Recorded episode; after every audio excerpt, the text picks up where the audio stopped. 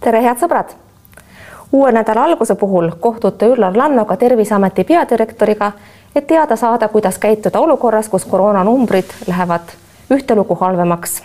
tere tulemast, Üllar Lanno! tere hommikust! Teie soovil oleme pannud maskid ette, kuid kui te käisite viimati Ringvaate stuudios, tegite te täiesti naeruväärset tsirkust.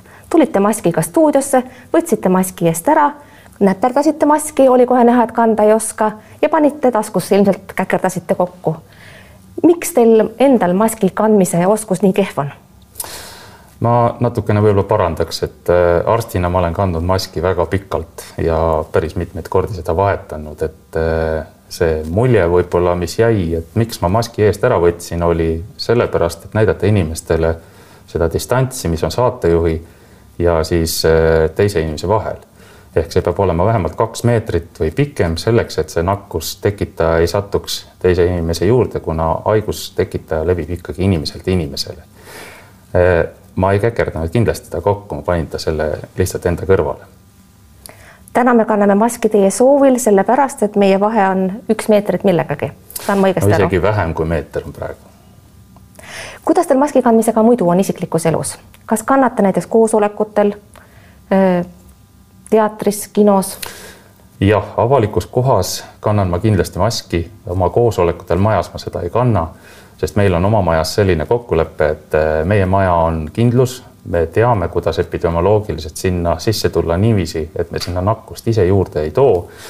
ja teisalt eh, meil on ka vastutustunne, et kui meil on mingid haigustunnused inimestel, siis vahetult peadirektoriga kokkuleppel tekib kaugtöö võimalus või siis vahetu juhiga kokkuleppel need inimesed jäävad kodusele tööle küll aga, mida ma võin täna näha, et kaubanduskeskustes või siis ka suuremates kogunemistes maski kandmine on pigem nagu ütleme siis miniatuurselt väga väike kogus, kui et see oleks inimeste jaoks mingisugune ohumeede, et seda võiks kanda olgem ausad, selles on osaliselt vähemasti süüdi ka Terviseamet ja tema segased sõnumid, osaliselt teie ajal, aga eelkõige enne teie ametiaega, kuu aega olete saanud tööl olla. Te tulite tööle ja ütlesite esimese avalikult sellise kandva sõnumina, minu usk on maski usk. kust teil oli aru ja mõistus, te saate aru, et ei ole mingi ususekt seal Terviseametis ega mingisugune religioosne ettevõtmine, teilt ei oodata mitte usku, vaid absoluutselt äh, puhast selget teaduslikku teadmist. miks te räägite usust? Äh, on kindlasti inimesi, kes äh, maski ei pea mitte mingisugusekski kaitsevahendiks. Äh, arstiharidusega inimene peab alati maski nakkusohu vahendiks, sest kui inimene läheb näiteks operatsioonisaali, siis seal on mõeldamatu see, et see arst või õde töötab seal ilma maskita. minu maskiusk väga selgelt põhines sellel meditsiiniteadmisel, mida ma kuus aastat olen õppinud.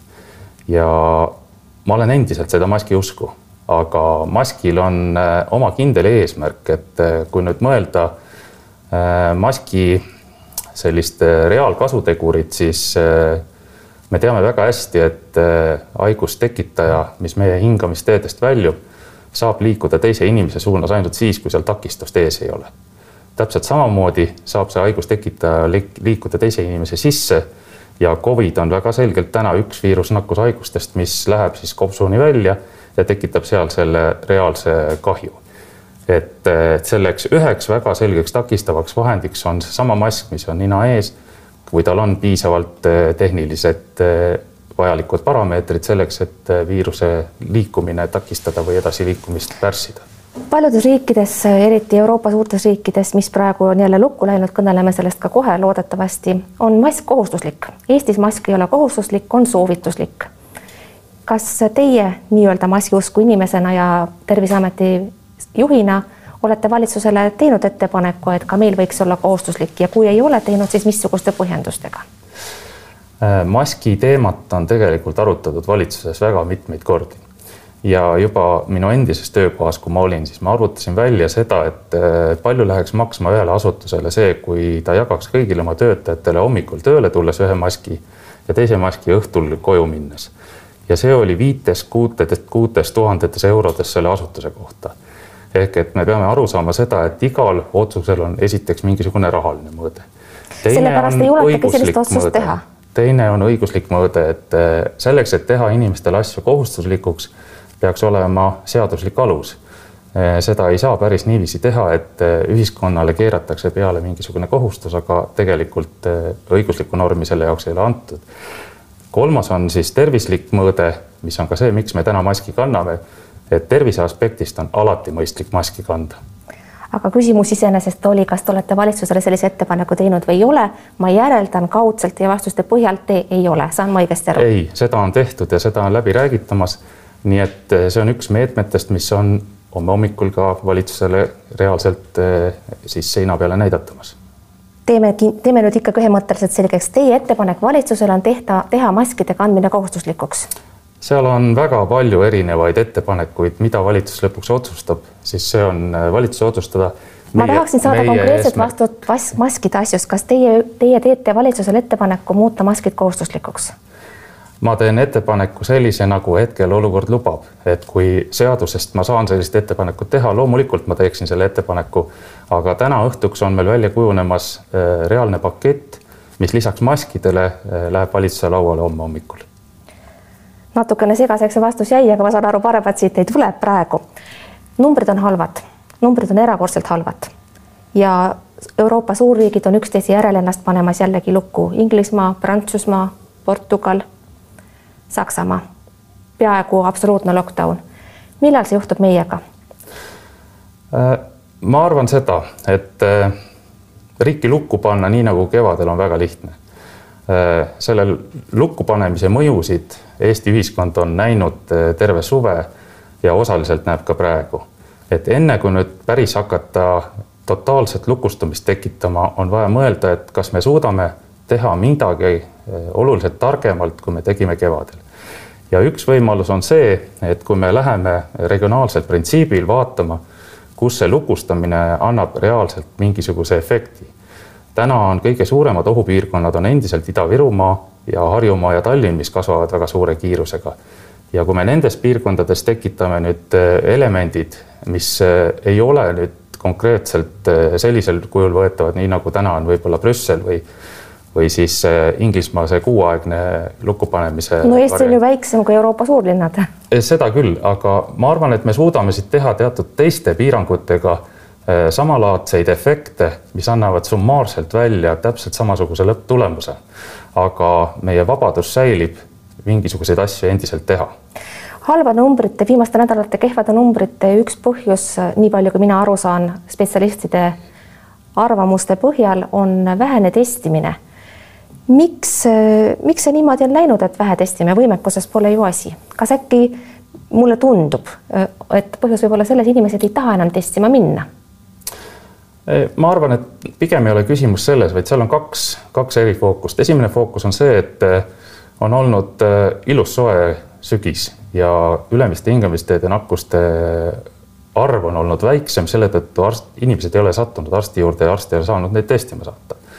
Teiselt poolt, kui me vaatame nüüd regionaalseid eripärasid, siis Ida-Virumaal on kindlasti eh, faktoriks see, et inimese soovlikkus säilitada töökoht, säilitada palk ja sissetulek on endiselt niivõrd ütleme siis suure kaalukaus'iga, et ta pigem sellel hetkel arvab, et selle arsti juurde minek võtab tal selle ära ja ta jätab selle tegemata. Nii et äh, selle koha pealt me saame täna vaadata teisi meetodeid, mida meil kasutada on, näiteks minna seireuuringusse nendesse piirkondadesse ja, ja küsida neid proove teisel kujul kui eeldada seda, et patsient satub ise arsti juurde ja see proov saab võetud. no kujutage ette, et ma olen täiesti vastutustundetu koroonajooksik, ma olen kõrvateni koroonat täis, aga ma ei lähe ennast testima, sest ma ei taha. mis te minuga teha saate? ei no tänasel hetkel, kui see on ikkagi, kui te olete koroonapositiivne, siis me saame teid panna koju reaalselt isolatsiooni. Nojah, aga kui ma seal ikka salaja käin poes ja võib-olla kutsun sõpru külla, mis te ikka teete minuga? noh me võime ka teistpidi mõelda, et kui Eesti ühiskonnas oleks üks koma kolm miljonit sellist inimest, siis tõenäoliselt meie Eesti riigi jätkusuutlikkus oleks väga suure küsimärgi all. et äh, õnneks selliseid juhtumeid on kas haruharva või väga vähe. no küsimus oli mõeldud provokatsioonina, tegelikult ma tahaksin jõuda sinnamaale, et äh, saada aru, kus on see piir teie tegevuses ja ka teiste struktuuride tegevuses. Noh, mis riivab isikuvabadusi viisil, kus see võib olla vastuvõetamatu üks põhjus, ma arvan, miks ka testimas käida, käiakse ka vähe, on selline usaldamatus informatsiooni suhtes, mis tuleb valitsuselt ja teist, teilt ja teisest küljest ka hirm häbimärgistamise ees. noh, see on tõenäoliselt ühe, ühe poolt vaadatuna asi, aga ma vaatan nüüd ameti poolt seda asja, siis me tegelikult näeme testimise statistikast praktiliselt kogu detailsust, mis on üldse võimalik täna teadusanalüütiliselt saavutada. ja ma arvan, et need kohad, nii nagu nad juhtuvad, kasvõi näiteks nüüd see Viru vangla juhtum, kus on üle üheksakümne eh, nakatunu või siis mõned hooldekodud, mis on siin jooksnud päevakorrale oma suuremate numbritega. et need on tegelikult indikatiivselt olnud sellised ohukohad, mis on meile ütleme siis perimeetrisse jäänud ka varem. ja see, ütleme, efekt, mis seal selles suletud keskkonnas on saavutanud on ka tänu meie sellisele suurele testimisele, mis me sinna peale läheme tegema laustestimisena, toonud välja kõik teised juhtumid.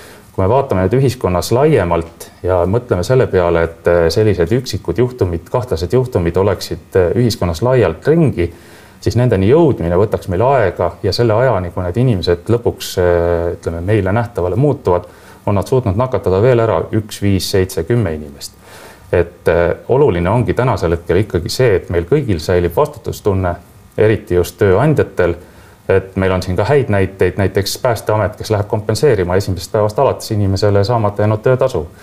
Äh, ja kindlasti on need meetmed äh, ka valitsuse tasemel täna olnud laua peal juba korra kus arutatakse seda, et selliseid samalaadseid käitumisi rakendada võib-olla laiemal kohal. kuidas teil valitsusega üldse muidu suhted on, et kas näiteks peaminister Jüri Ratas on teile võib-olla mõnel juhul juba hea töö eest tordi saatnud või midagi? Äh, torti ei ole mõtet võib-olla siin veel saata, sest tulemusi ju pole et see on alles, ma ütlen, haigestumise algjärk, mis meil täna Eestis on et.... aga ma pean silmas seda, et tegelikult teie olete konkreetselt ju vahelüli Terviseameti töötajate ja valitsuse vahel, nõnda nagu oli Merike Jürilo, kes ja. sai pärast tervi-, kevadist tervisekriisi lihtsalt kinga, kuigi ta oli kriisi läbinud ma tuleks eelmise küsimuse juurde tagasi, et äh, tegelikkuses valitsuse ja Terviseameti ja Sotsiaalministeeriumi vahel on väga kõrge ja hea usaldus ja koostöö. ja mitte ainult peaministri, vaid ka kõigi teiste valitsuse liikmete vahel, sest äh, ma arvan, täna ei ole ühtegi tegevusvaldkonda, kus vastutav minister ei pea suhtlema Terviseametiga ja vastupidi. aga minul, minul tekib siis küsimus, et äh, kuna ministrite hulgas on äh, hulgaliselt ise hakanud koroonaspetsialiste ja kodukohtud virolooge, mismoodi te nendega dialoogi peate, teie olete spetsialist, teil ei saa hariduse, erialase hariduse puudumist ette heita, nagu näiteks heideti Merike Jüriloole. Te ei saa ju nendega hobiviroloogidega tõsiselt kõnelda kuidas ma ütleks, ma ütleks võib-olla niiviisi, et äh, sõltuvalt temaatikast, kas on seot-, see seotud äh, transpordiga, kas on see seotud haridusasutustega, kas on see seotud meelelahutuskohtadega, suurte kultuuriüritustega nagu näiteks PÖFF.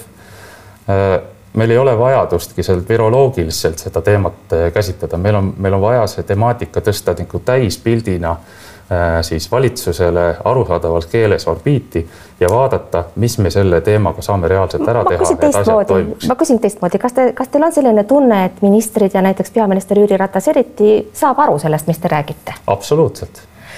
ja neil Kui... on täis tugi minu teole. Teil on?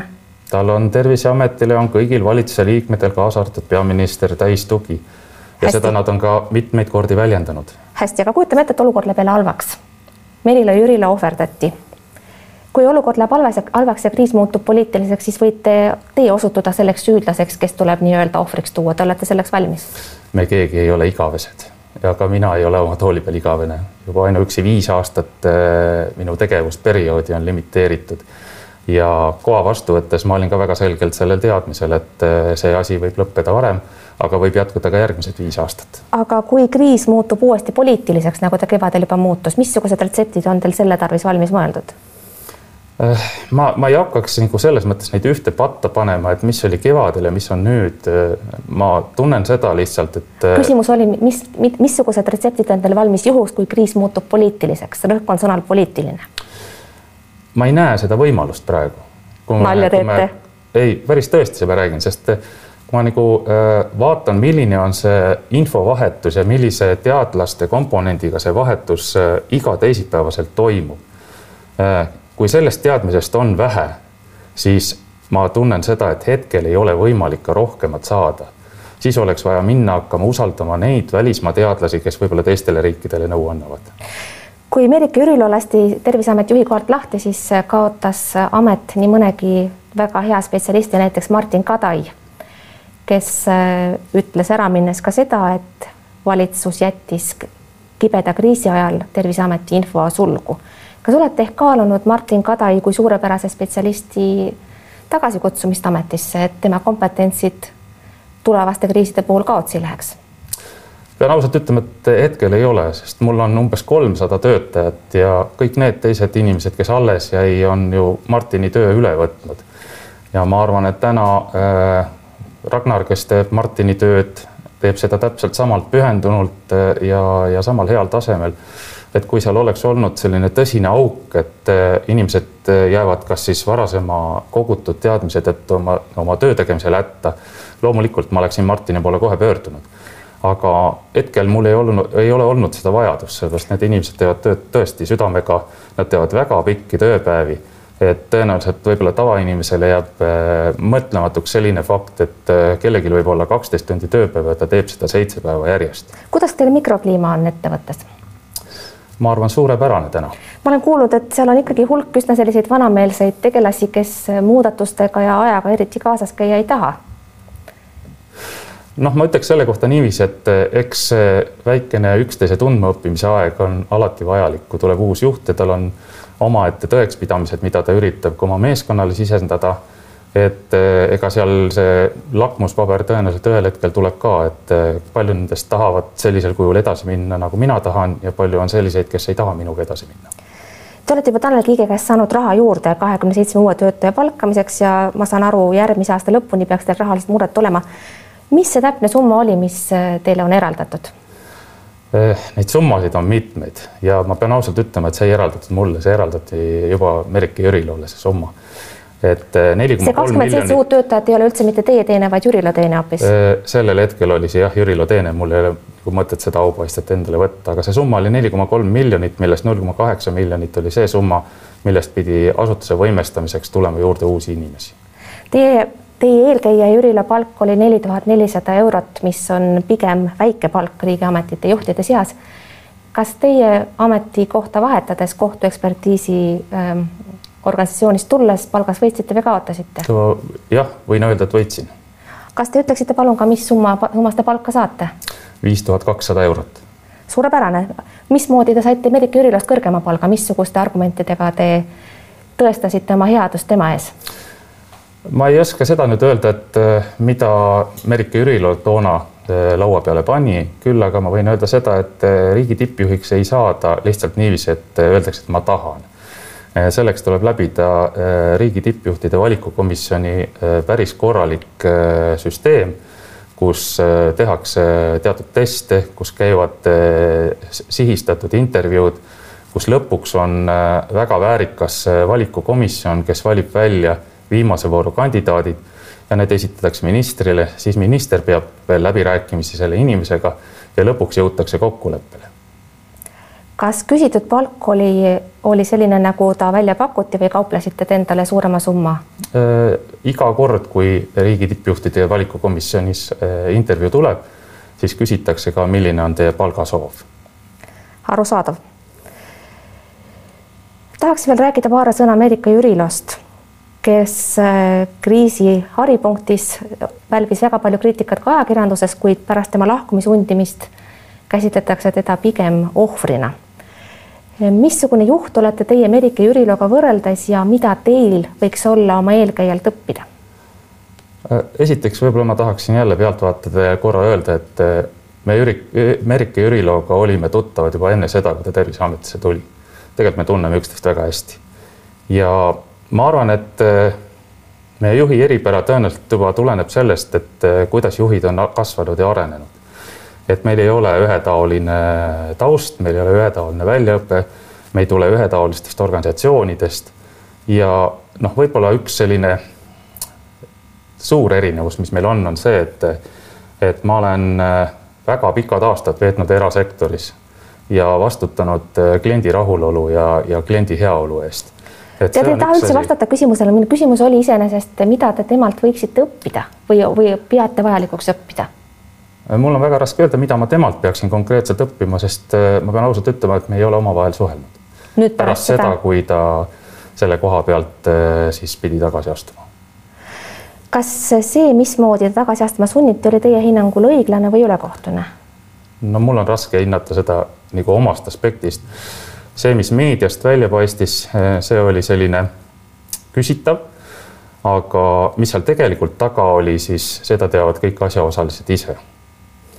et äh, ma olen vestelnud Ravimiameti juhiga ja ka vastutava asekantsleriga ministeeriumist ja tõenäoliselt see surve, ka ühiskondlik surve, ka ajakirjanike surve, mis Merikesele peale langes, lisaks poliitilisele survele, äh, oleks vankuma löönud ka mis tahes teise tugevama tervise või vastupanuga inimese. et me keegi ju ei tea kuidas me ise käituksime selles olukorras. aga ma ikkagi ei saa päris hästi aru, te ütlete, te olete ammu tuttavad, aga pärast seda kriisi pole rääkinud. see on iseenesest kummaline. me oleme telefoni teel, oleme korragi rääkinud, me oleme isegi kokku leppinud, et kui mul vajadus tekib, siis ma võin temaga ühendust võtta. et meil see suhe on toimunud. aga ütleme, see esimesed kuu aega on läinud ja ütleme, esimene nädal on minu jaoks läinud ikkagi nii, et pigem on olnud nina vee all kui vee peal, et mul ei ole seda võimalust lihtsalt tekkinud. ja, ja meeskond on töötanud suurepäraselt mõnda aega tagasi sai väga palju tähelepanu Ilona Leiva kommunikatsioonibüroo teenuste kasutamine Terviseameti poolt, eriti põhjusel, et suhtekorraldajad said rohkem palka kui armastatud tohter Arkadi Popov. kas see leping on praegu veel jõus või on see lõpetatud? Minu ajal esimesest oktoobrist ei ole selle bürooga ühtegi teenust kasutada, ma tõesti ei ole kontrollinud, kas see leping on kehtiv või, või lõpetatud, aga ühtegi teenust sealt ei ole ostetud meil on omal väga suurepärane PR-tiim olemas ja sisekommunikatsioonispetsialist, nii et eh, meil ei ole mingit vajadust olnud selle jaoks. no kommunikatsioon oli vahepeal nii halb, et isegi õiguskantsler pidi sekkuma ja ütlema, et mis, missugused kummalised sõnumid Terviseametist tulevad. Te olete nüüd, ma saan aru, leppinud kokku, mida te räägite ja isegi mõtlete enne, mida ütlete seda, seda ühelt poolt kindlasti nii on ja teiselt poolt võin öelda, et eh, enne kui ma Terviseameti juhiks sain, oli mul Ülle Madisega juba kokkusaamine sellel samal reedesel või ma ei mäleta, mis päev see oli Delfi uudisel, mis välja tuli, et küsida, et mis selle asja taust on. nii et see kohtumine meil või telefonivestlus toimus enne seda, kui ma tööle asusin. paar, paar sõna selle kohta, mis see taust siis teie teadmise kohaselt oli? mina tunnen seda äh, lugu ainult meedia kaudu. jah, ütleme, see taust oli selles, et, et oktoobri alguses või seal septembri lõpus äh, tuli välja informatsioon, mis oli neli-viis kuud, kuud vana juba, tegelikult see mure oli hoopis varasemast perioodist ja lihtsalt ta kuvandus välja pool aastat või, või siis viis kuud hiljem. nii et tegelikult sellest pingeperioodis oli see mure pärit, mis see kommunikatsioonihäire oli. viitasite pingetaluvusele seoses Merike Jüriloga, kuidas teil endal pingetaluvusega lood on? noh, eks te näete, seisan teie ees, muudkui praete mind mis on olnud üldse teie elus, te olete olnud pikka aega kohtuekspertiisi, mis see nüüd täpselt? instituudi juht. jah, instituudi juht pikki aastaid missugune on kõige raskem juhtimiskriis olnud teil selle organisatsiooni eesotsas olles? noh, ma arvan, et kõige suurem, ma ei ütleks, et juhtimiskriis, aga, aga selline pereheitmine oli sellel hetkel, kui kaks asutust omavahel ühendati. Ja, ja selle kahe asutuse kokkukasvamine umbes kahe poole aasta jooksul, mis on tegelikult väga, väga kiire aeg oma olemuselt. mille liitmisest te räägite? see oli e Eesti Kohtuekspertiisi Büroo ja, ja Politsei Kriminalistikakeskus arusaadav. aga miks teil üldse oli vaja sealt ära tulla, teid ei lastud ju lahti, kas te lihtsalt tüdinesite oma endisest tööst, tahtsite uusi väljakutseid? noh, sellele võib öelda nii ja naa, et äh, kõige esimene põhjus on see, et ma tahtsin arstiks saada. Ja ma olin enne Terviseametisse tulekut andnud sisse avalduse oma arsti staatuse taastamiseks. et ma olen kuus aastat seda asja õppinud ja kasutanud elus ainult kaks-kolm aastat reaalselt arstina töötades.